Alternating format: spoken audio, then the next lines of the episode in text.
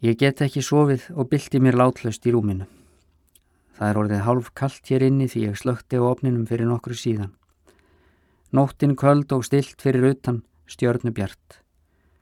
Ég kveiki á vasaljósinu á náttborðinu og fer að rína í þykka æfisugur enu vars sem sonur hans skrifaði. En byrtan frá ljósinu er svo takmörkuð að það er einlega ekki hægt til lengdar. Það er eins og Renoir hverfið inn í myrkrið. Aldrei myndi sonur minn skrifaði mig bók. Eftir dálitla stund svifti ég af mér senginu og tekað klæða mig. Ég fer fram, hitta mér kaffi og seilist í mjólk úr kæliskáknum. Hún ystir þegar ég helli henni í kaffið. Nú er orðin meira en vika frá því ég fór síðast niður í þorpið til að kaupa mjölk og aðrar vörur og ég verði vist að fara aftur á morgun. Ég sest í sófan og drekk kaffið þótt mjölkin sé svona. Á borðinu er kertalugt sem varpar flögtandi bjarma. Þegar ég hef drukkið úr botlanum fer ég í úlpuna, reyma gönguskona og setja á mig húfu. Það ískrar í hurðinni þegar ég opna út. Ég þyrti að fara að bera á hurðarlamirnar.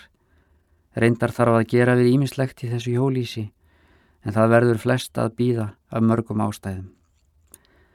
Næturfrost, fölgrá slíkja og sölnuðu grasinu sem glitrar í tunglskímunni, mannlaus hjólísin í kring eru dökkleit í skugga trjána og yfir þeim svo einmannalegur drungi að mér finnst að nánast ég hægt að þreyfa á honum. Ég fer venjubundna leið eftir skóarstígunum, þessa hóltíma göngu eða svo að leggstanum í róðrinu. Trén eru bygg, svört og grafkýr á við myndastittur í því stillilogni sem nú er. Engar greinar fálma í áttina til mín. Það er svo dimt að á einum stað villist ég hálfpartin, vel rángan stíg og lendi upp við litla fossin sem ég málaði um daginn. Ég heyri veikan óminn frá honum, átta mig og sný við, kemst inn á réttan stíg. Tunglið er á bakvið fellið hérna, svo það er enþá skuggsýtna en niður frá. Úlpan er hlý og ég finn varla fyrir gulda. Ég heyri sandána niðar rétt handan við stíin.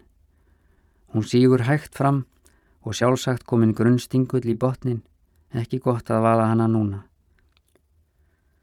Það glampar á heiðgul fallin lauf aspartrjána á stignum þegar tunglspjarminn sitrar yfir þau, því ég er aftur komin svo langt frá fellinu að tunglið sést ofan við brúnir þess.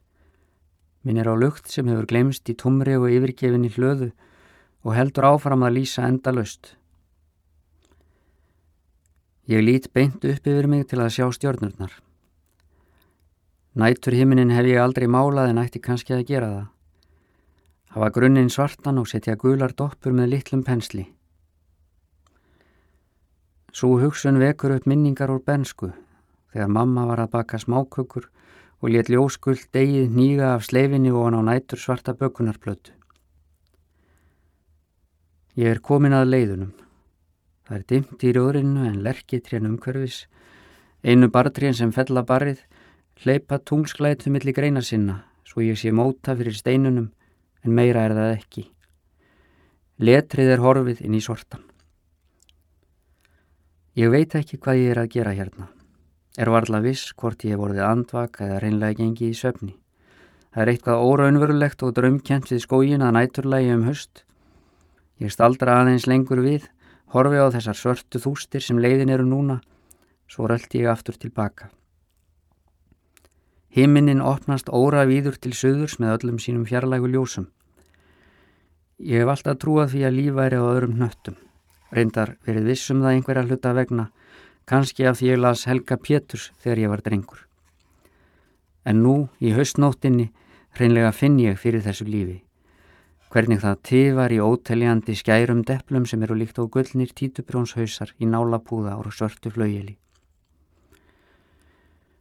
Um leið og ég kem inn á moldartróðningum sem skóarvörðurinn og vinnuflokkarnir akka fjórhjólum og traktórum eftir á sumrin, hverfur tunglið aftur bak við fjálsbrúnina.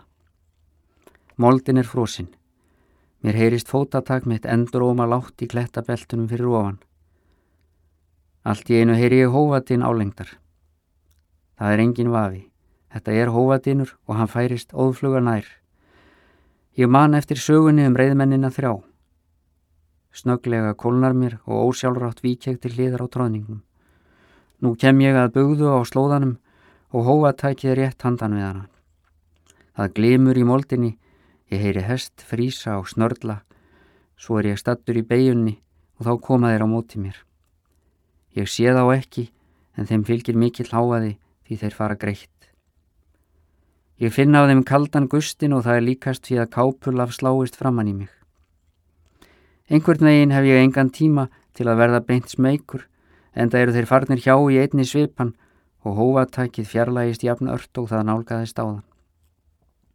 Samt er þetta á sinnhátt nokkuð sem ætti kalla skuggalega reynslu. Hvert eru þessi reyðminn alltaf að fara á haustin? Hvers vegna eru þeir alltaf á svona mikillir hraðferð? Voru þeir þrýr? Ætlaðir að heimsækja gamla skóarbúndan og hestarnir að kljást við gæðingin hans eru þeir eldir af dauðanum. Ef svo er, fer hann hljóðlaust í slóð þeirra því nú heyrist ekkert meira.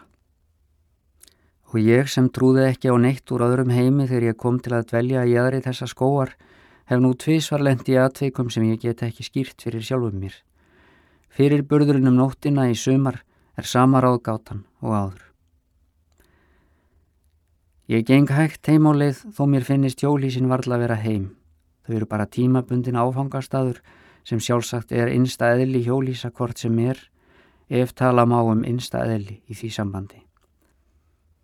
Ég tek upp vasaljósi sem ég myndi fyrst núna að ég hafði gripið með og lýsi niður í moldarslóðan til að aðtóa hvort ég sjá í hófur. Það er ekki til neins og auk þess hafði óvart verið kveikt á ljósinu í úlpuvasanum allan tíman svo raflöðurnar eru orðna mjög slakar. Þetta getur tæplega kallast geysli lengur.